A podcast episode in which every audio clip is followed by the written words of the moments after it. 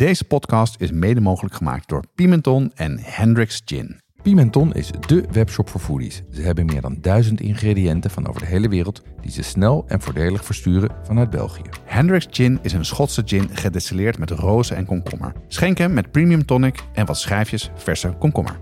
Ook bij ons geldt geen 18, geen alcohol. Jonas, wanneer heb jij voor het uh, laatste kleding gekocht? Nou, dat kan ik me eigenlijk niet meer herinneren. Dat is echt heel erg lang geleden. Ja, ik dus ook niet. En daarom had ik eigenlijk best, uh, best oren naar een aanbod van Best Secret. Best Secret krijg ik hele bepaalde associaties mee, Jeroen. Ik weet, wat is het dan? nee, het is een online kledingwinkel oh, op okay. uitnodiging en die wil ons graag sponsoren. Nou, wat leuk. Nou, een online kledingwinkel zou ik niet als eerste bij een kookpodcast uh, verwachten. Maar ik ben heel benieuwd. Wat, wat moeten we dan doen? Nou, we moeten vertellen wat het zijn. Dat het een online kledingwinkel is waar je alleen op uitnodiging terecht kan. Um, ze hebben meer dan 3000 merken, zoals uh, Lacoste, Champion en Vans, waar jij nu een trui van aan hebt. Zeker. Um, en uh, die verkopen ze met stevige kortingen tot uh, wel 80%. Nou, 80% is best wel veel. En wat hebben onze luisteraars er dan aan? onze luisteraars hebben eraan dat ze via ons zo'n uitnodigingscode kunnen krijgen. Want zonder code kom je niet binnen. Nou, dat klinkt goed. Uh, maar ik moet wel zeggen dat dingen die we promoten, daar wil ik echt zeker achter staan. Dus uh, hoe kunnen we dat aanpakken? Kunnen we nog dingen checken? Hoe werkt dat? Nou, ik denk dat wij gewoon allebei zelf moeten gaan shoppen daar. En uh, zeggen wat we ervan vinden. En de luisteraar, wat voor een voordeel heeft die dan? Nou, dat als zij naar www.bestsecret.nl slash podcast gaan, dan kunnen ze zich aanmelden eh, met de uitnodigingscode. Want zonder uitnodigingscode kom je niet binnen. Dus wij hebben een uitnodigingscode voor ze. Oké, okay, dus het is een, een, een, winkel waar je normaal niet in komt. Dan moet nee, je... het is alleen op uitnodiging. Nou, vandaar. Nou, dat, uh, ik ben benieuwd. Um, ik ga dingen checken en uh, laten we in ieder geval de volgende keer verder over hebben hoe het bevalt. Dus uh, nou, ik vond wel sponsor wel meevallen. Ja, valt wel mee hè?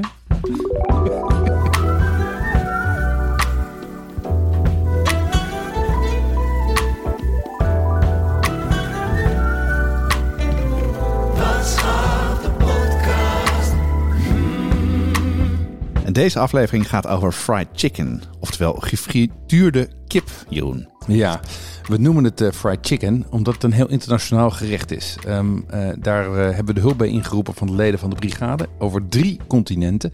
En we gaan letterlijk de wereld rond. Japan, Korea, Israël en de VS. Um, we bespreken vier verschillende bereidingen. Buttermilk fried chicken, Korean fried chicken, Ottolenghi kip schnitzel met zadenkorst en Japanse Tatsuka age zadenkwast. Goed, de brigade heeft niet alleen de helft van de recepten aangedragen. Ze hebben ook de recepten proef gekookt. Ja, en we gaan het hebben over welke kipdelen je gebruikt. Uh, wat je allemaal kan doen als je gaat frituren, marineren, paneren, hoe je frituurt. Sauzen om in te dippen, uh, sauzen om daar overheen. Kortom, een aflevering over een culinair verantwoorde, maar hele vette bek. Wat de podcast wordt eh, mogelijk gemaakt door de Brigade, onze club van vaste luisteraars en hobbykoks. Je kan lid worden van de Brigade door te doneren of door mee te helpen. Aan het eind van de podcast praten we hierbij over de Brigade en op onze site vind je meer informatie. Um, ik zie het al staan. Er staat hier een. Um, kijk, het, wat de luisteraars niet altijd weten, is wij nemen dit meestal zo in de ochtend op. dus het is hoog tijd voor een cocktail. Zeker. er staat hier, Jeroen heeft hier een, een, een doosje waar ja. allemaal soort van ja, van die zakken in zitten, die, uh, van die infuuszakken, lijkt het bijna Ja, het, is, het, het lijkt, je kan het een infuuszak noemen. Het, het, zijn, je, het zijn ook de transparante uitvoering van knijpfruit, zeg maar, van oh ja, die ja, ja. Uh, dingen. En wat daarin zit, de, um, daar zitten cocktails in van de Cocktail Agency. Cocktail Agency zag een post van, van ons over Tiki op Insta. En die zei, wil je niet eens wat van ons proeven? We zeiden, nou, dat lijkt me prima. Um, en het grappige is wat zij doen, is zij doen het dus in die, uh, in die knijpzakken. Um, en die worden uh, ingevroren, krijg je die aangeleverd. Oh, slim. En uh, die kan je dus ontdooien als je daar zin in hebt. En ik heb er vier voor jou. Ik zal even voorlezen. En dan mag jij zeggen waar je zin in hebt. Um, we hebben de Green Hulk met jenever, groene ijsie, coconut en citrus. Dan heb ik de Espresso Tonka Martini met wodka, espresso koffielikeur, vanille en tonka boon. Dan heb ik een chili margarita met tequila reposado triple sec, cucumber, madame Jeannette en vers limoensap. En tenslotte de Dutch Pornstar Martini met vanille gin, vanille gin, jenever, passievrucht en Madagaskar vanille. Nou, ik ga voor een koffie martini. Voor een koffie martini. Ja, je denkt in de idee. ochtend. Ja. Ja. ja, ja, heel goed. Kijk, en dan maak je dus zo'n... Ik zal het even laten horen. Zo. Ja, het ziet er goed uit. Jeroen draait open. Ja, en dan, En ik, en dan keep ik het in een, eh, in, een, in een koep die ik hier heb klaarstaan. En als ik het zo zie, denk ik dat het eigenlijk een beetje te veel is. In ieder geval voor de... waarschijnlijk voor twee eh, dan. Ga ik dit helemaal Ja. opdrinken. Je, mag, je kan die gewoon straks meenemen als je gaat hardlopen. Dan kan je hem onderweg een beetje bijdrinken. Welke ga jij nemen? En er zit ook een, eh, kijk, er zit ook garnituur bij. Dus ik heb hier de espresso, bij de espresso martini zitten koffieboontjes. En die zitten in van die kleine druk- en sluitzakjes. Nou ja. Mensen die vroeger in de koffieshop kwamen, die herkennen die zakjes Ja. ook wel. En up, die gooi ik zo bij jou in je Nou, cocktail, alsjeblieft. Ehm, en dan neem ik, eh, ja, geheel geïnspireerd door, eh, door onze nieuwe tune, die ik nu voor de tweede keer hoorde. De Dutch Pornst- Pornstar Martini. Pornstar martini. Ja, overigens had ik het, eh, had ik het op Insta hadden we het ook over, had ik het ook met iemand over de Pornstar Oh, op. Martini. Ehm, en die maakte hem volgens mij met raketjes of zoiets. Oh ja? Ja, dus Hoe ga je dit drinken, joh? Hij zit echt tot het randje nu. Even kijken. Ik ga hem recht zetten. Dat helpt, denk ik. Ja. Dat hij dan makkelijker te drinken Ja. is. Oh, zo. Laat de garnituur even achterwege. Ehm proost, eh, Proost, Jonas. Oh, dat is zo'n gevaarlijk drankje dit, hè? Zo'n eh, koffie martini. Want hij is heel koud. Ja, Daardoor denk je dat er geen alcohol in zit. Hij eh, proeft heerlijk naar koffie. Mhm. Een beetje lekker romig, een beetje zalvig. Dus dit moet je niet als koffie gaan drinken. Maar het heel lekker is het. Eh, En ik heb het idee dat ik eh, in de Punica-oase zit. Met de Dutch Pornstar Martini. Ehm, nee, die is, die is buitengewoon gezalfd. Ehm, en wat ik zeg, ja, smaakt naar een, een, eh, een grote mensenvariant van, eh, van Punica. Minder zoet. eh, met duidelijk herkenbare vanille. Ehm, en ehm, ja, hij is wel, eh, ik vind hem lekker. Maar hij is wel straf zo eh, om Ja, 12 we uur 's ochtends. We hoeven niet op te drinken. Ik proef nu even van Jonas een espresso martini. Ja, dat is een betere keuze op dit tijdstip, eh, zal ik je zeggen. Ja, zullen we niet even dan... eh, nou, ik giet hem wel even over, dat jij hem ook eh, kan meedrinken. Ehm, hey, maar wat heb jij meegemaakt de afgelopen tijd, Jeroen? ja, wat heb ik meegemaakt? Eens even kijken. Ehm, eh, ik heb weer eens een oude pommerol gedronken. Zoals je weet koop ik wijnen graag vooruit, hè, op, bij voorkoop. Ja. Dit was een pommerol uit 2005. Ehm, en eh, die was ontzettend lekker. Die, was, was, dus die is inmiddels 16 jaar oud. Zijdezacht, eh met pruimen, leer, potloodslijpsel. En echt helemaal super glad. En het leuke is, ik heb dus die, deze wijn heb ik eh, nou ja, 15 jaar geleden gekocht. En eh 10 jaar geleden voor het eerst geopend. En wat je dan, wat je dan ook meemaakt, is hoe zo'n wijn zich ontwikkelt, zeg maar. Want ja. je hebt een kist, zit natuurlijk 12 flessen in. Dus telkens proef je hoe zo'n wijn, zeg maar, qua structuur en persoonlijkheid verandert. Ehm, en hij zit nu echt op de, op, op de, op de nadagen van zijn, eh, van zijn ontwikkeling, zeg maar. De, het is een soort Indian summer, zeg maar. Hij is Ja, ja. nu perfect, maar ik moet er wel snel op drinken. Ik heb nog één fles liggen, dus dat is, eh, dat is goed. Ja, ik zag dat je, je had daar een post over gemaakt op, op Instagram. Ik zag ook dat je dat ehm, je goed moet nadenken welke, wat wat je erbij eet. Hè? Dat Ja. hij minder stevig is dan je zou denken. Ja, dat is het grappige. Ehm, als zo'n wijn zich ontwikkelt, dan wordt hij natuurlijk... Veel mensen denken dat wijn die oud wordt, dat die sterker van gemaakt wordt. Dat is niet zo. Die worden zachter en subtieler. Ja. Ja. En, en dus die, die Pomerol, die natuurlijk heel erg een, een Merlot voorwaarts is, dus heel erg veel, veel op vooruit zit. In het begin kan je daar best iets stevigs tegenover zetten. Maar nu is hij zo zacht en subtiel dat ehm, de ossaas die ik erbij deed was goed. Alleen de pepersaus, de champignonsaus die erbij zit, was eigenlijk alweer te intens Ja, ja. die overpowerde hem. Dus je moet, als die wijnen ouder worden, moet je subtielere gerechten gaan maken. Nou, over dit soort wijnen gesproken.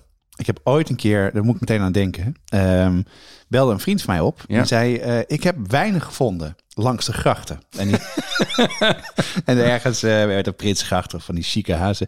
Kom je drinken? Dus ik dacht al van, hè? Dus hij Ja. kwam thuis echt alleen maar oude flessen. Ik had er helemaal geen verstand van toen de tijd.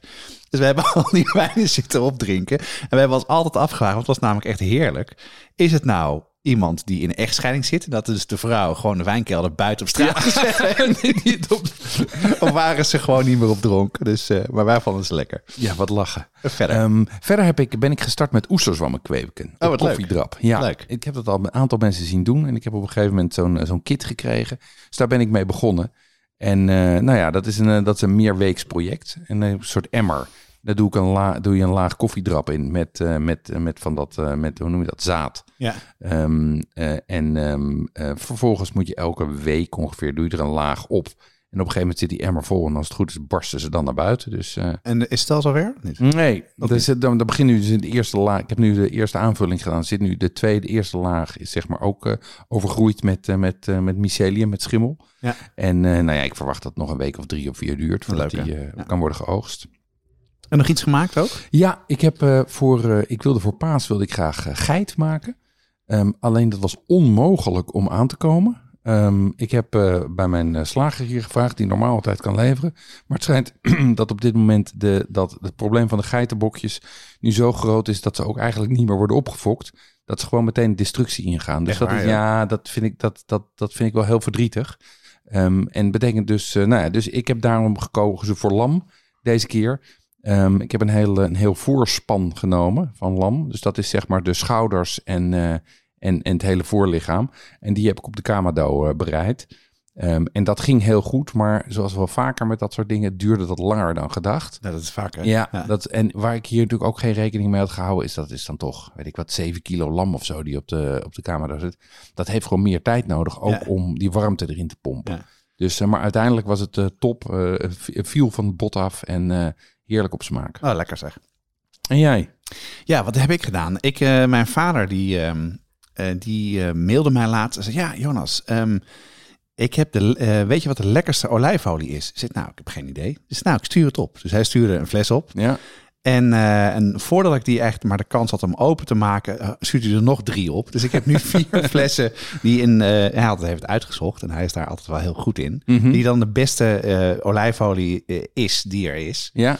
Allemaal van de koude persing. Daar heb jij het ook wel eens een keer over gehad. Eh, dus hij heeft er vier opgestuurd. Dus ik ga nu een poging doen om ze uit te spreken. De Rincon de la Subetica uit Spanje, uit Córdoba. Ja. La Coratina Chinosa uit Zuid-Italië. De Terra Creta uit Creta. En de Don Giochino uit Zuid-Italië. Die liggen een beetje bij elkaar in de buurt. En eh, de Spaanse vonden wij het lekkerste. Oké. Maar dat is dan grappig, hè? Want je hebt dan vier van die olijfolies, die proef je dan. En dit hebben we dan gedaan eh, met brood. Mhm. En het is totaal verschillend van elkaar. Ja. En echt, echt totaal. Ja. Enig is grassig, ander is heel scherp, ander Ja. is heel erg lekker. En mijn vader had ook wel een goede tip. En zei, je moet het eigenlijk gewoon gebruiken in salades. En dan pas ga je kijken wat het lekkerste is. Maar ik heb hem even voor je meegenomen. Oh, leuk. We hebben net een cocktail achter ons kiezen. Dus eh, misschien kan je proeven. Ik denk dat je hem zelf even een beetje op je hand... Ehm, waar wil je hem hebben? Daar. Ja hoor, gooi maar gewoon om mijn hand. Jonas draait een fles open en giet nu, druppelt nu wat olijfolie op mijn hand. En Die heeft een soort eh, eh, eh, gouden kleur. Dus Oh de ja. Spaans is dit. Ja, dit is Spaans. Ja, dat proef je meteen. Heel vol en romig. Ja. Met een pittigje. Of Ja, met, een, met een pepertje. Ja, maar het is de minste Ehm, van, van allemaal. Hè? Ja, maar erg lekker. Heel, ja, heel, heel, heel, heel romig. Ja, Heel, en een beetje grassig is hij. Ja. Dat merk je ook wel heel erg. En dus ja, dus ik heb vier flessen staan. Want ik moet nog een keer even een hele goede proeverij doen. Ik weet dat jij ook bezig bent met een fles olijfolie van eh, vrienden van jullie. Die Ja. in, eh, in Spanje wonen. En eh, dus ehm, ja, ik heb nog genoeg te gaan. Dus ik hoef even geen olijfolie te kopen. Nee, is misschien ook een keer een leuk onderwerp om een, om een aflevering over te doen, olijfolie. Want Ja, er is veel ook, over ja. te vertellen. Ja. En we kregen ook een vraag op Twitter van Ed de Natasha. En die had op Twitter gezet... ehm, ik luister nu deze podcast. Dat was Mhm. dan Koken met Kinderen. ja, En ehm, eh, dan hun kinderen van 13, die koken dan pasta carbonara, want dat is lekker makkelijk. Het is mij nog nooit gelukt. nee. dus ik heb haar toen, eh, we hebben toen even ge- eh, gereageerd. ja. Dus het is misschien goed om er even kort te vertellen over wat het een beetje de crux van carbonara is. Nou, dat is in eerste instantie het vet wat je gebruikt. Ja. Eigenlijk moet je geen bacon gebruiken zoals wij gebruiken, maar moet je kinderbakspek Ja. gebruiken. Het gaat vooral om het vet dat uit dat spek komt Ja. die de smaak geeft. Niet zozeer dat je dus eh, gerookte en gezouten spek uitpakt. Maar dat is bijna niet aan te komen in Nederland, dus dat kan je Ja, gewoon prima doen. G- Gianquiale. toch? Gianquale. Gianquale. Ja. Ehm, ik weet dat eh Brand en Levi ook lekker hebben. Ja. Ehm, en de truc die je hebt, daar hebben we het al vaker over gehad, is als je pasta maakt, moet je vooral het eh, kookvocht goed bewaren. Ja, altijd. Want daar zit namelijk zetmeel in en die zetmeel bindt. En wat vaak misgaat bij, eh, bij carbonara, is dat je dus de, de eieren klutst. Mhm. eh, een, beetje, een beetje peper bij doet. Dan kan je daar wel of niet de geraspte eh, kaas bij doen. Mhm. Ehm, ik doe het meestal niet. Maar je moet dus ehm, eerst de pasta afgieten, kookwater bewaren. Eh, en dan de pasta in de pan met de olie doen. Ja. Die pan is uit. Ja, Goed doorroeren, zodat de olie in de pasta komt. ja, De smaak afgeeft. Daarmee koelt hij ook een beetje af. ja, Dan pas doe je de eieren erbij. Ja. Goed doorroeren, van het vuur af. En dan om hem romig te maken, doe je daar dan wat van het kookvocht bij. ja. En als laatste doe ik dan de kaas erbij. En dan eh ja. En, het op. en alles van het vuur af dus, hè? Altijd. Ja, Ja. want anders heb je roerij. Ja. Ja. Dus dat was leuk. En ehm, ja, we drinken nu een, eh, een koffie martini. Maar ik ben helemaal into the old fashioned als Ja. cocktails. Ja, dat hoort ook bij een man op leeftijd. het is Jonas, oude dat- ja. het is, eh, dat wist ik helemaal niet. Maar het schijnt een van de eerste cocktails ever te zijn. Old fashioned, ja. Ja, ja. Nou, wat je doet, en ik dacht, ik las het recept, ik nou, dat is helemaal niks. Dus je hebt bourbon eh, en vroeger was het met een suikerklontje. Dat doe je dan in een glas. Dan doe je Mhm. bitters bij. Ja. Dan laat je de bitters eigenlijk helemaal in het suikerklontje komen. Dan, doe je, ehm, dan ga je die, eh, de bourbon erbij, veel ijs en dan ga je steren, draaien zodat er, ehm, dat het ijs smelt. Dus het Ja. smelten van het ijs moet erbij. Het moet een beetje aangelengd worden met water. Ik geloof Mhm. dat in het eh, eh, cocktailboek van Tess Postumus dat het een derde moet toenemen in volume. Ja. Dan doe je daar wat sinaasappelzest bij. En dat is, eh, als je wat video's daarover kijkt, dan is er een soort van trucje dat je de schil van de sinaasappel een soort van half eh, ombuigt en lucifer ervoor houdt en dan knijpt Ja, zodat er dan spritst het eruit. vuur uitkomt. En dat, dat drink je. En dat is echt, ja, ik had niet verwacht dat het zo lekker was. Ja, wat ik trouwens, waar ik eh, de laatste tijd ook achter ben gekomen, is dat meestal heb je natuurlijk eh, Angostura bitters staan. Ja. Ehm, maar ehm, er zijn heel veel verschillende soorten bitters. Je hebt ook chocoladebitters en sinaasappelbitters en eh, zelfs chili bitters. En ik ben een beetje mijn bittercollectie aan het uitbouwen. En zeker cocktails waar bitters een belangrijke rol in spelen, dan is het ook echt wel leuk om verschillende bitters te hebben. Dus eh, dat is ook leuk om te doen. Ja, leuk. En bitters zijn een beetje een soort peper en zout voor de cocktail. Hè? Ja, dat Dat klopt. maakt net een soort van eh, extra smaak eraan. Nou, nu tijd voor het hoofdonderwerp, namelijk fried chicken. En je hebt je de afgelopen weken helemaal ondergedompeld in de frituurpan, toch Jeroen? Ja, dat kan je wel zeggen. Ehm, maar ik heb ook eigenlijk een belangrijk deel van het eh, serie frituren uitbesteed. Ehm, want eh, na de ervaringen hier thuis met, eh, met ge- gebraden kip, dacht ik van ja, ik kan niet vier weken achter elkaar zes verschillende frituurgerechten gaan proberen. Nee, dat gaat er niet in dan. Nee, dat, dat, dat leidt echt tot, eh, tot protest. Ehm, eh, en bovendien hebben wij een aantal leden in de brigade die graag wilden meekoken. Ehm, ja, en eigenlijk maak ik pas vrij kort gefrituurde kip. Hoezo dan? Ja, ik helemaal niks van jou. Nee, maar het, het stond bij mij helemaal niet op mijn, op mijn radar als iets wat lekker of, of aantrekkelijk zou kunnen zijn. Ehm, totdat mijn jongste zoon, eh, eh, Casper, die had met vriendjes KFC gegeten. Ja, Kentucky Fried Chicken. Kentucky Fried Chicken. En die zei toen, eh, papa, dat wil ik ook. En ik dacht, ja, het- ik vond dat, laat ik zeggen, in de, in de, voor zover er een rangorde is in de frituur, staat KFC, of in de, in de, in de snackfood staat KFC bij mij niet heel hoog. Ehm, en dacht, ja, ik vind het een beetje vies, eh, maar ook wel lekker. Wel lekker vies. En lekker vies, dat kan ik ook. Dus ehm, ik ben op zoek gegaan naar een recept om het zelf te maken. Nou ja, eh, ik heb dus nog nooit, ja daar gaan we weer, maar nog nooit KFC gegeten. Nou, dan onderweg naar huis kan je even... Ja, die, die, alles waar jij gewoon zin in hebt, zeg je gewoon, ik heb het nooit gegeten. Dan denk je, ik kom de volgende... Nee, echt serieus niet. Ik bedoel, eh, McDonald's en Burger King zeker, maar Ja. KFC eigenlijk nooit. Nee. hey, maar waar ben je op uitgekomen? Nou, wa- waar ik, waar ik in ieder geval voor, voor die variant van gefrituurde kip op ben uitgekomen, is eh, de eh, Southern Fried Chicken. Dat is echt een Amerikaans gerecht. Ja. Ehm, en als je naar de geschiedenis daarvan gaat kijken, is het combinatie van een Schotse bereiding. Echt waar? Schot? Ja, ja Schot, want de Schotten die frituurden eh, eh, kip in reuzel, Ah, ja. traditioneel. Lekker licht. Ehm, Net zoals en- friet, hè? Dat, dat, dat werd vroeger ook gedaan aan keuzel. Precies. Ja. Ehm, en, vet. eh, en wat trouwens nog steeds lekkerder is, maar daar hebben we het een andere keer over. Ja. En eh, West-Afrikaanse specerijen. Ehm, en toen ik er wat research naar ging doen, kwam ik erachter dat eh, fried chicken cultureel ook nogal, sociaal-cultureel ook Ja, nogal beladen is. Zeker weten. Ehm, en, en wat je sowieso een soort schel- scheldwoord is het bijna, toch? Ja, nou, wat je ziet, wat ik in ieder geval merkte, is dat in navolging van natuurlijk de hele Black Lives Matter, is dat überhaupt de sociaal-culturele gevoeligheid voor culturele zaken in de VS ontzettend groot is op dit moment. We hebben natuurlijk dat drama gehad bij, ehm, eh, bij, eh, bij Bon Appetit. Ja. Ehm, maar sowieso, ook als je hier research naar doet, merk je hele grote gevoeligheid over ja, feitelijk rassenspanning of cultuurhistorische ehm, of, hè, eh, of historische spanningen die in het eten terechtkomen. En bij Southern Fried Chicken is dat, is dat nog groter. Ja. Maar hoe zit het dan met die gevoeligheid met fried chicken in Amerika? Ja, nou, waar dat onder andere mee te maken heeft, is dat eh, eh, kip was een van de weinige soorten vee die slaven mochten houden. Ehm, en in de zwarte Amerikaanse keuken komt dus heel veel kip terug. Nou ja. Omdat ze die al gewoon heel lang zeg maar, zelf mochten eh, houden. Ehm, en in die zin dat het een stereotype is geworden dat sommige zwarte Amerikanen ook bewust geen kip eten. En zeker niet in publiekelijk, zeg maar. Ja, dat, dat weet ik wel, maar niet waar dat dan vandaan Ja, kwam. dat komt dus daar vandaan. Nou ja. Ehm, en, en wat dan, en laat ik zeggen, als je het dan hebt over waar die culturele spanning ontstaat, is natuurlijk dat zo iemand als eh, Colonel Sanders, hè, van eh, eh, de, de Colonel van, van KFC. ja, dat is dat logootje toch? Ja, dat, is- dat is ook- generaal. ja, dat is ook een echte man. Dat is een witte, ja, dat is een witte Amerikaan. En die heeft zich natuurlijk eigenlijk toegeëigend. Ja. Dus dat zijn, eh, laat ik zeggen, dat zijn natuurlijk componenten in een, in een op dit moment eh, eh, rasgevoelige cultuur, waar dat, ehm, eh, ja, die, dat, die zorgt voor een explosieve mix. Dus dat maakt dat het nogal een beladen gerecht is. En je zei net dat die man bestaat dus echt. Ja, Die ja, ja, dat is wel een mooi verhaal. Ehm, die, dat is een, verhaal van, 13, eh, van 12 ambachten, 13 ongelukken.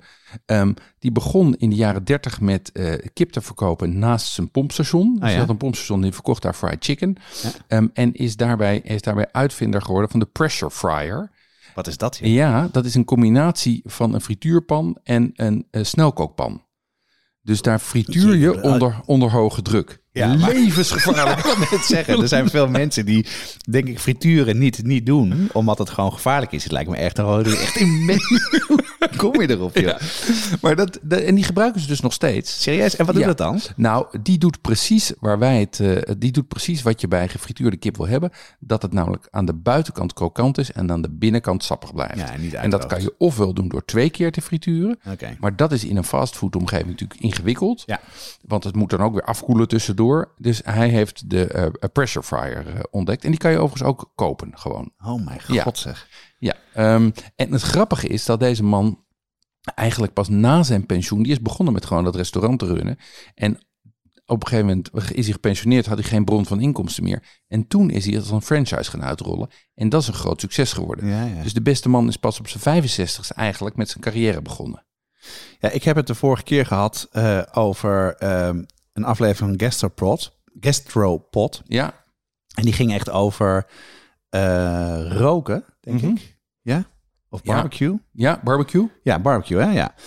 Ehm, en daar dus ook dat er dus die barbecue, zeker in Amerika, die komt heel erg vanuit, eh, nou, hetzelfde als, als eh, met die kip uit, uit, uit de slavenkant. Ja, en dat is nu helemaal uitgepoetst. Hè? Dus als je nu kijkt naar welke mensen dus de mensen zijn die de barbecue, de pitmasters zijn, dat zijn allemaal blanke het is mannen. helemaal.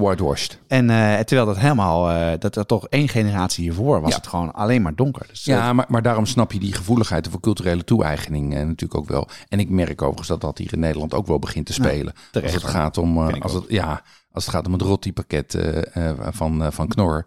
Waar mensen zich over opwinden dat er helemaal geen rotti in zit, maar een wrap. Ja, ik snap wel dat dat, eh, dat, dat tot irritatie leidt. Ja, nou, dat mag ook wel eens veranderen, vind ik. zo is het. Maar goed, ehm, we zijn geen politieke podcast, maar een kookpodcast, dus nu het gerecht. Hoe maak je het? Nou, je begint met kipdelen. En eigenlijk kan je zelf kiezen welke, net als bij KFC. Dus je kan kiezen voor ofwel de boutjes, ofwel de dijen, ofwel eh, de, de combinatie daarvan, ofwel gewoon de, de tenders, dus alleen de filets.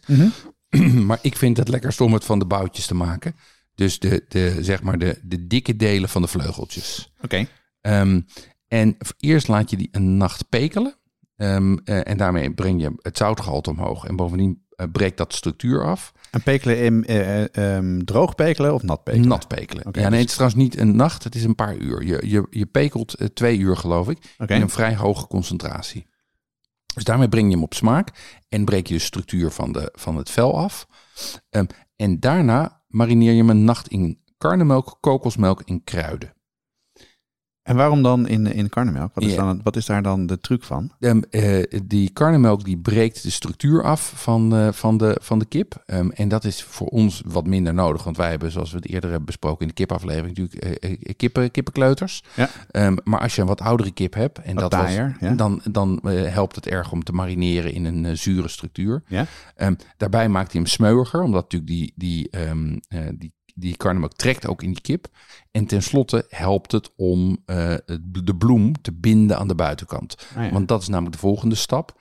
Ehm, je marineert dus in de karnemelk en daarna wentel je hem door de bloem. En dan frituur je hem in twee keer. ja, en doe je daar dan geen kruiden verder bij? Nee, ja, die kruiden zitten dus in je, eh, in je eh, marinade. Ja? Ehm, En, en wat ik, doe je daar dan? ja, ik, ik gebruik mijn eigen barbecue rub. Ehm, want dit is, ook, dit is natuurlijk ook weer een kruidenmix is altijd waar iets over wordt gemystificeerd. Ja, de, de, de secret Ja. ingredients en dat soort de, onzin. Colonel, de Colonel heeft het over de Secret Spice oh, Mix. echt verschrikkelijk. Ja, ehm, en ik heb een aantal van die spice mixes bekeken. En over het algemeen is die samenstelling daarvan heel vergelijkbaar. Het is suiker en zout en vaak foelie en paprika. En dat komt eigenlijk heel overeen met mijn, eh, met mijn eigen barbecue rub. Die, dus ik dacht, die pak ik gewoon. Dan hoef ik niet een aparte spice mix te maken. En die staat op de site, hè? De barbecue. Barbecue mix staat op de site. Ja, het recept staat natuurlijk ook op de site. Ehm, en, ehm, en dan frituur je hem dus in twee keer. Net als friet. En waarom twee keer dan? Ja, je, je frituurt hem twee keer. Eigenlijk de eerste keer op een wat lagere temperatuur om te zorgen dat hij gaart van binnen. Dat hij eigenlijk de binnenkant, eh, nou, het vlees gaar wordt. Ja? En daarna haal je hem eruit, laat je hem afkoelen en frituur je hem nog een keer. En met die tweede keer frituren wordt de buitenkant krokant. Maar doordat je hem tussendoor laat afkoelen, eh, krijg je daardoor dat niet de binnenkant ehm, ook te gaar wordt en Ja, dus ja. droog wordt. Ja, want als je één keer zou frituren, dan gaat hij veel langer erin. Ja, En dan wordt het, eh, worden de kip wordt dus eh, super gaar. Dan, waar je net heel veel moeite hebt gedaan met zowel het zout als met de karnemelk om hem zachter, eh, sappiger te krijgen, is dat dan meteen weer verdwenen. Ja, tenzij je natuurlijk een, een, pressure, een pressure fryer hebt, die nu bovenaan mijn verlanglijst staat. Nou, het is wel wat ik heel grappig vind, want we hebben het over frituren. Ik heb heel lang geen frituur gehad. Nee. Want dat vond ik gewoon, ja, dat kon niet als je kookt. Hè. En Ja. Dat merk ik ook wel een beetje aan onze brigadeleden. Dat we hebben gevraagd voor proefkoken. En veel mensen hebben geen frituur. Nee. Daar ben ik ooit mee begonnen en dat is echt mijn beste aankoop ooit. Frituur. Ja, ik doe het heel veel. Ja, ja. het is natuurlijk ook gewoon hartstikke lekker. Ja. Ehm, het, over brigade gesproken. We hebben deze, ik heb eh, deze recepten voor het eerst laten proefkoken. Deze is uh, proefgekookt door Paul Veldkamp en Stefanie Peters van de brigade. Ehm, die waren allebei heel enthousiast. De, de een zei hij is overal een heel erg lekker en sappige kip met een lichte southern style smaak, niet moeilijk te maken. En de ander zei het recept kan ook met kippenvleugeltjes, kleine drumsticks. Let dan wel op de tijd bij het frituren. En dat is natuurlijk een goede tip.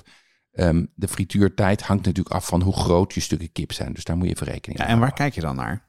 Hoe, hoe bepaal je met frituren, met kipfrituren, Uh-huh. of het klaar of niet klaar is? Nou ja, uiteindelijk gewoon door hem in te snijden. Door gewoon ja? even, ja? ik eh, pak gewoon een één stukje eruit en ik kijk dan hoe lang die ongeveer moet. Ja. En ik, eh, meestal begin ik met boutjes, iets van drie of vier minuten. En dan kijk ik gewoon gaar is van binnen. ik of hij kijk meer meestal- roze is bij het bot. Ja, precies. Maar ik kijk meestal naar ehm, ehm, de kleur. Ja, En dus zeker met twee keer frituren is dat nog makkelijker. En op een gegeven moment ga je merken dat het boven komt drijven. En Ja. dat het vocht eruit gaat en minder bellen geeft. En dan is het meestal ook wel gaar. ja, en je zou natuurlijk ook gewoon een thermometer erin kunnen steken. hè? Ja. In, Je, in je pressure cooker air In je- fry. maar goed, dat is niet het enige wat we gemaakt hebben. Er zijn nog andere dingen gemaakt dan, toch? Ja, we hebben ehm, eh, eh, vervolgens. eh, we wilden eigenlijk maar één eh, eh, gefrituurde kip doen, maar dan bleken er eigenlijk toch nog een aantal andere hele aantrekkelijke recepten te zijn. Zeker. Ehm, eh, en, en, en het andere uiterste eigenlijk op dat scala is de Tatsuta AG. Ehm, dat is een gemarineerde kip gefrituurd in aardappelzetmeel. Ehm, en dat werd aangedragen door een van de leden van de brigade, Cecile IJsing-Bonnier. Ehm, want die woont in Tokio. Ja. Ehm, maar jij kent het ook wel, volgens Ik ken mij. het zeker eh, wel, ja. Ja. Het is echt een van mijn favorieten van mijn zoon. Eh, toen ik in Japan was, waren wij... Wat me het meest bijbleef met... Ik ken dat vooral als karaage, maar Mhm. ik heb dan nu geleerd dat dat dus frituur is. En tatsu, tatsuta age de, de vorm is van de kip die we, die, die we nu gemaakt hebben. Mhm. Maar we waren in Nara. En Nara is een klein stadje in de buurt van Osaka. En dat is bekend met vanwege een, eh, heel erg veel mooie tempels die daar zijn. Ja, En het is bekend vanwege de tamme herten die daar rondlopen in het park. Die schijnen ook iets magisch te hebben. Dus daar, die mogen daar rondlopen. oké. Super toeristisch, maar wel heel leuk. En ik had daar dus een ehm, izakaya gevonden. Wat in het Japans, dat is een bar. Dat is eigenlijk een van de weinige plekken in Japan... waarbij je het gevoel van eh, op een terras zitten... in een café zitten kent. Want dat kennen ze daar helemaal Nee. niet. Het is heel functioneel eten. En elk restaurant heeft zijn eigen specialiteit. Eh, dus daar ga je, als je bedenkt wat je wil eten... zoek je dat zo'n restaurant op. Mhm. En dit was in een soort van donker straatje. En alles was donker en ik kon het niet zien. Dus heb ik dus eh, op Google Maps heb ik al die restaurants uh, gepind, zodat ik in ieder geval weet hoe ik er kan komen. Ja. Want in Japan spreek ik niet en lees ik niet. Dus ik heb toen met, dat, met het, uh, het plaatje voor mijn neus zo voor de, voor de huizen gestaan. Ja, Denk, nou, is dit het? Deze schuifdeur zou het wel moeten zijn. Dus we deden hem zo open. En dan moet je je voorstellen, het was een soort van heel donkere, donkere soort café-achtige sfeer. Zo'n beetje Mhm. bruine kroeg. Met een, ehm, een bar in een U-vorm. Ja. En in het midden staan al die jongens die dan bedienen. Ja. Daaromheen alleen maar Japanners. En iedereen helemaal stil. Tuurlijk. Iedereen, draaide zich om naar ons.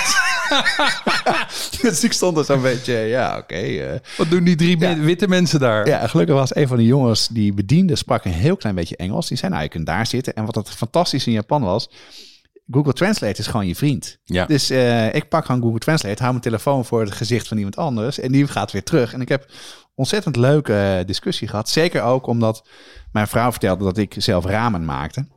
Dat daar, daar vertrouwden ze helemaal niks Nee, van. natuurlijk niet. Dus toen ging ik uitleggen hoe. En toen was het, oh, mm.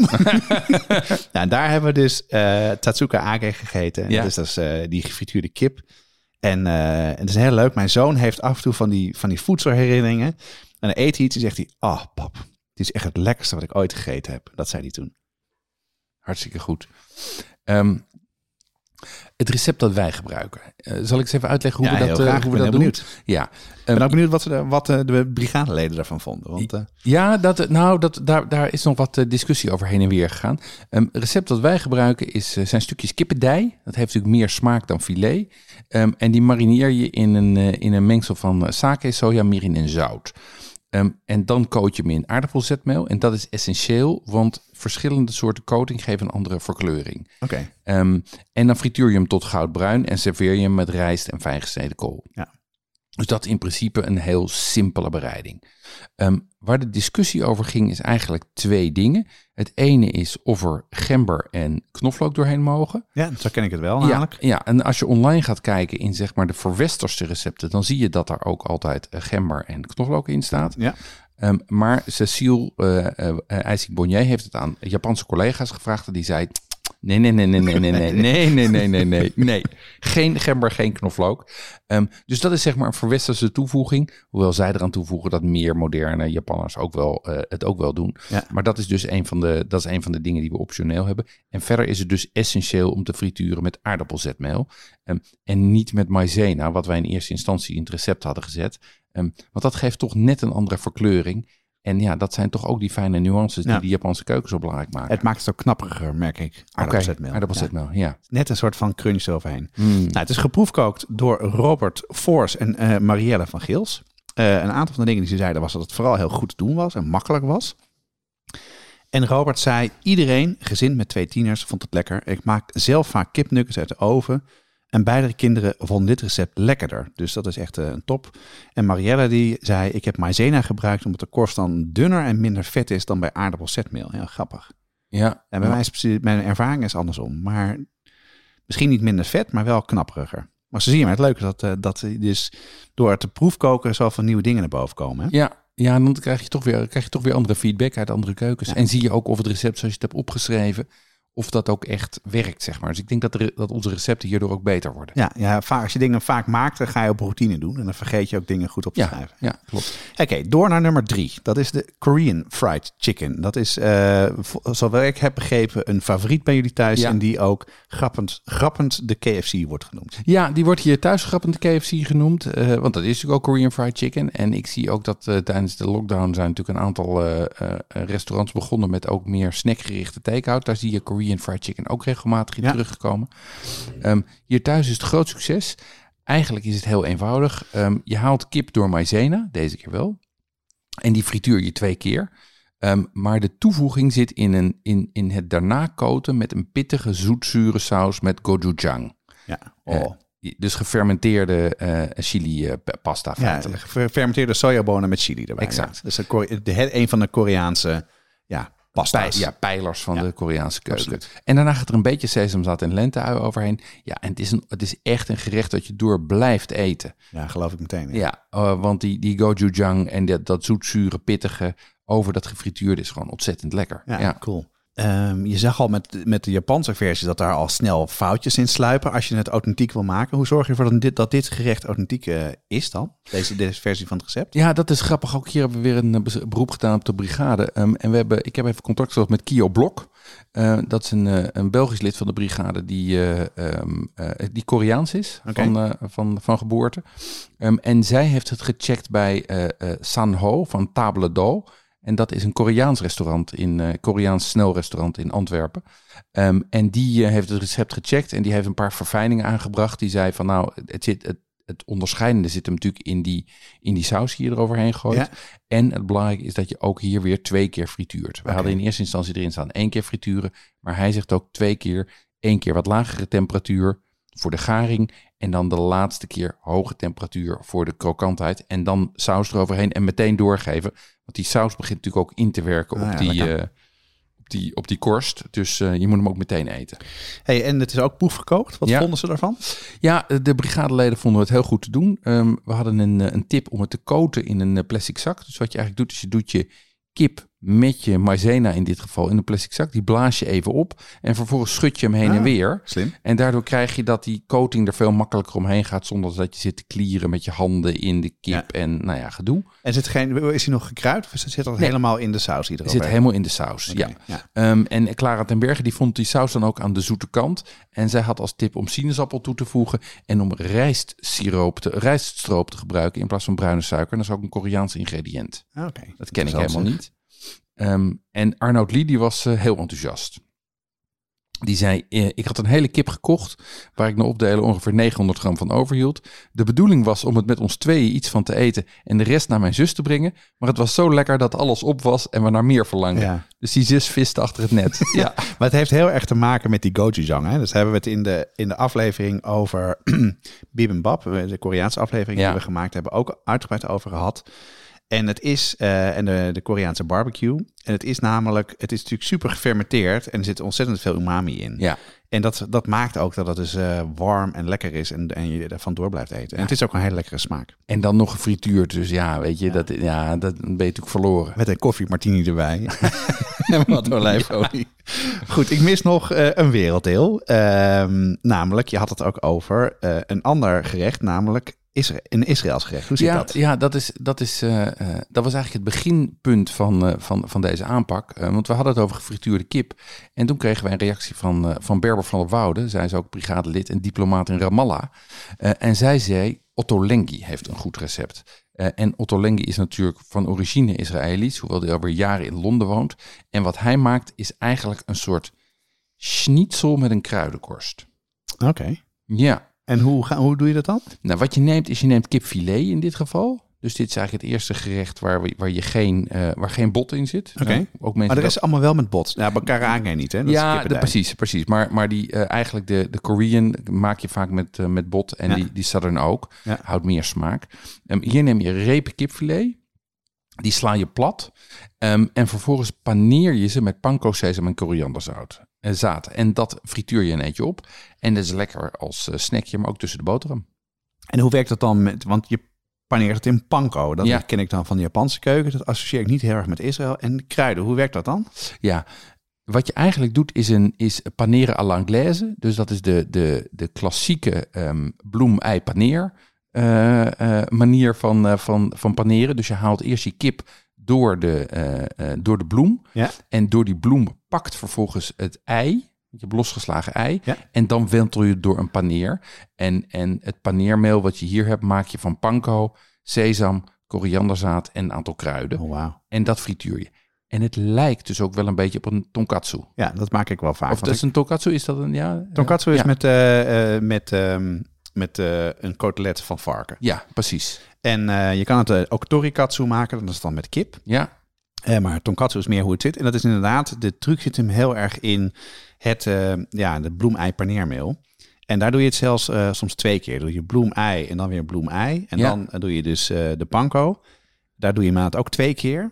En de truc heel erg is inderdaad om een hele harde korst aan de buitenkant te hebben die het goed zielt. Ja, Zodat je de eerste keer meer het vlees stoomt dan dat het eigenlijk bakt in de olie. Ja. Dus dat is ook het idee ervan. Hoe beter die korst is, hoe minder vet ook in het vlees gaat komen. Klinkt heel raar, maar het werkt echt. nou ja, en dat, is- maar dat is natuurlijk wat ze bij, eh, wat ze bij schnitzels ook doen. Want goede schnitzels, die hebben ook een, eh, die, die zetten op, zeg maar. Die bollen op, doordat ze, eh, doordat ze ook dubbel gepaneerd zijn. Ja. Ehm, en, en volgens mij doet Holtkamp zijn kroketten ook dubbel paneren.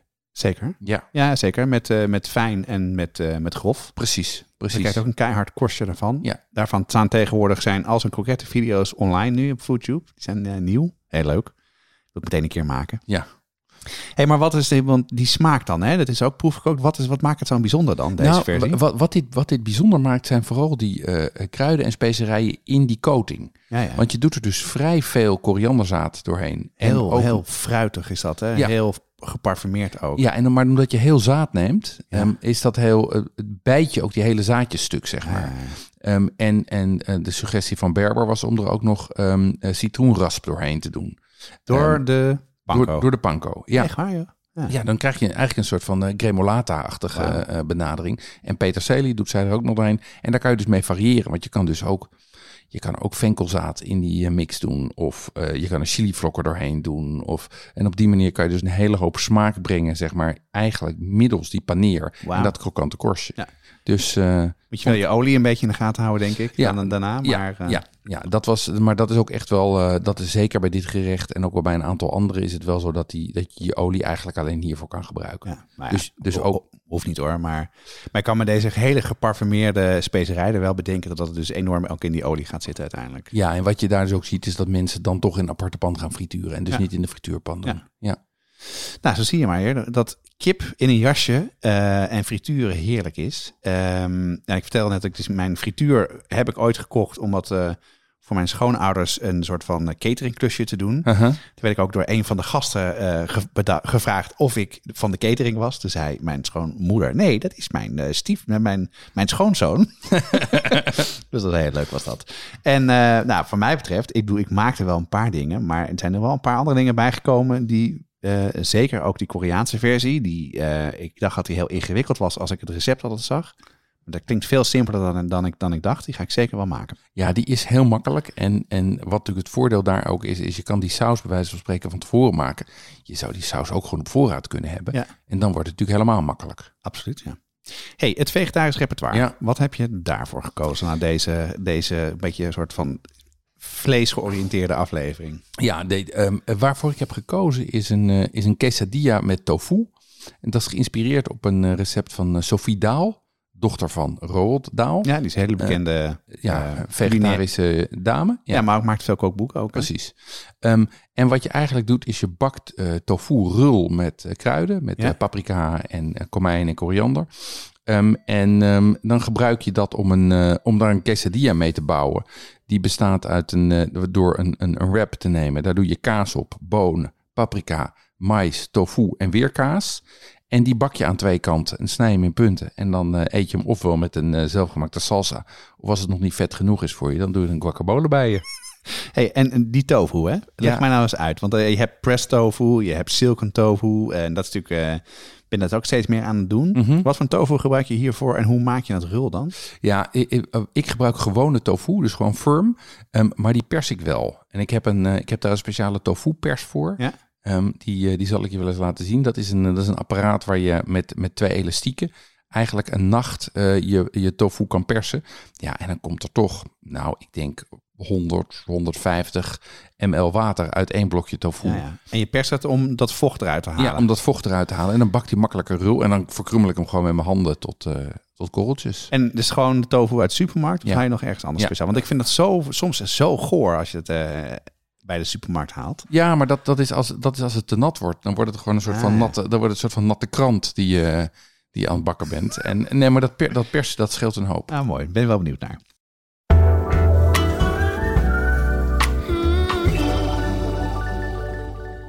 De Brigade, ja. Ehm Watschap de podcast wordt eh, mogelijk gemaakt door De Brigade. En De Brigade is onze groep van vaste luisteraars die een donatie hebben gedaan.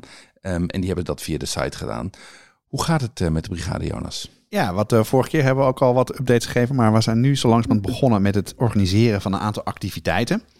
Ehm, we hebben contact opgenomen met onze personen, mannetjes en dames in Italië om de logistiek te bespreken voor de truffellijn, want dat is toch wel het belangrijkste punt. Wanneer zijn ze er en hoe krijgen ze we hier? En eh, daar krijgen jullie in de loop van de komende maanden een e-mail over, alle brigadeleden. En als je dan mee wilt doen, dan kan je je intekenen. Ehm, we zijn bezig met wat andere dingen te organiseren, zoals een leuke pasta-workshop met korting voor brigadeleden. En ook de eerste uitjes staan op de agenda. Uh, en de, een van de dingen die we gaan doen is uh, een paddenstoelen-workshop. En we willen met z'n allen gaan oester rapen. Dat, uh, dat is jouw idee, dat heb jij vaker gedaan. Dus daar kijk ik heel erg naar uit. Ja, ik denk dat dat, denk dat, dat heel leuk wordt. En er zijn volgens mij meer mensen die, die zich erop verheugen. Want de aanmeldingen gaan hard. We hebben een aantal nieuwe leden en donateurs van de brigade. Zoals Jacomijn Tillema, Jenny van Asbeck, Christian van Waalwijk van Doorn. Berend-Jan de Groot, Hanneke van der Looy en Linda Vermeulen. Diederik Dasselaar, RSN van Kesteren en Kio Blok. Kim Beke Brede, Cecile Berghout en Naomi Kev van de kookboekenwinkel van Duikelman. Welkom. Dank en dank voor jullie donatie. Ja, en de informatie over dingen die we organiseren voor de brigade, die zullen we met name sturen via e-mail. Ja. Dus hou dat in de gaten. En uh, als je op Discord server zit, dan, uh, dan ben je, met, heb je meteen ben je ook op de hoogte. Dus meld je daar ook voor aan. Als je deze podcast luistert en je vindt hem leuk, abonneer je dan. Klik subscribe of abonneer in Apple Podcast of follow, volg op Spotify. Dat kan je nu meteen doen tijdens het luisteren. Uh, elke twee weken op donderdag staat er een nieuwe aflevering voor je klaar. En je kan je ook aanmelden voor onze nieuwsbrief. En dan ontvang je een mailtje zodra onze aflevering, aflevering live staat. En alle bij uh, behorende recepten, show notes en dat soort dingen staan ook meteen in de mail. Dan kan je meteen klikken om dingen te gaan koken. En laat een review achter op Apple Podcasts. Jonas, hebben we nog leuke reacties gehad? Ja, er zijn weer een aantal binnengekomen. Eentje van Richard de Wit uh, met als titel Smullen en Smullen. Vijf sterren, dankjewel. Eten kan geweldig zijn en eten maken kan geweldig zijn. Maar deze gastroboys bewijzen dat ook eindeloos ouwe hoeren over eten en eten maken geweldig kan zijn. Een echte aanrader. En Yvonne Smit schrijft: Heerlijk. Nu al een paar weken mee bezig. Ik luister vijf uur non-stop in de auto. Heerlijk. Twee mannen die vol passie over hun en mijn grote hobby praten, namelijk eten, koken, kookboeken, drankjes, restaurants, etc. Wat moet ik als ik er doorheen ben? Ga zo door. Nou, gewoon twee weken wachten en dan komt er weer een nieuwe. Deze podcast wordt gemaakt door Jeroen Doucet en mijzelf, Jonas Nouwen. De online productie van de show notes en de recepten wordt gedaan door Corianne van Dodewaard Straathof. En onze virtuele kookclub op Discord staat onder leiding van Jesse Burkunk. De proefkokers deze aflevering waren Paul Veldkamp, Nelke Guit, Aniek Lumens, Clara Tenberg, Stefanie Peters, Marielle van Gils, Robert Voors en Arnoud Lee. En de muziek van Watschaf de podcast is gecomponeerd door Nico Brandsen en Ton Dijkman en uitgevoerd door Mel en Vintage Future. Reacties kun je sturen naar jeroen.watschaftepodcast.com of jonas.watschaftepodcast.com of je stuurt een DM via Instagram, Facebook of Twitter. Tot de volgende keer. Tot de volgende keer.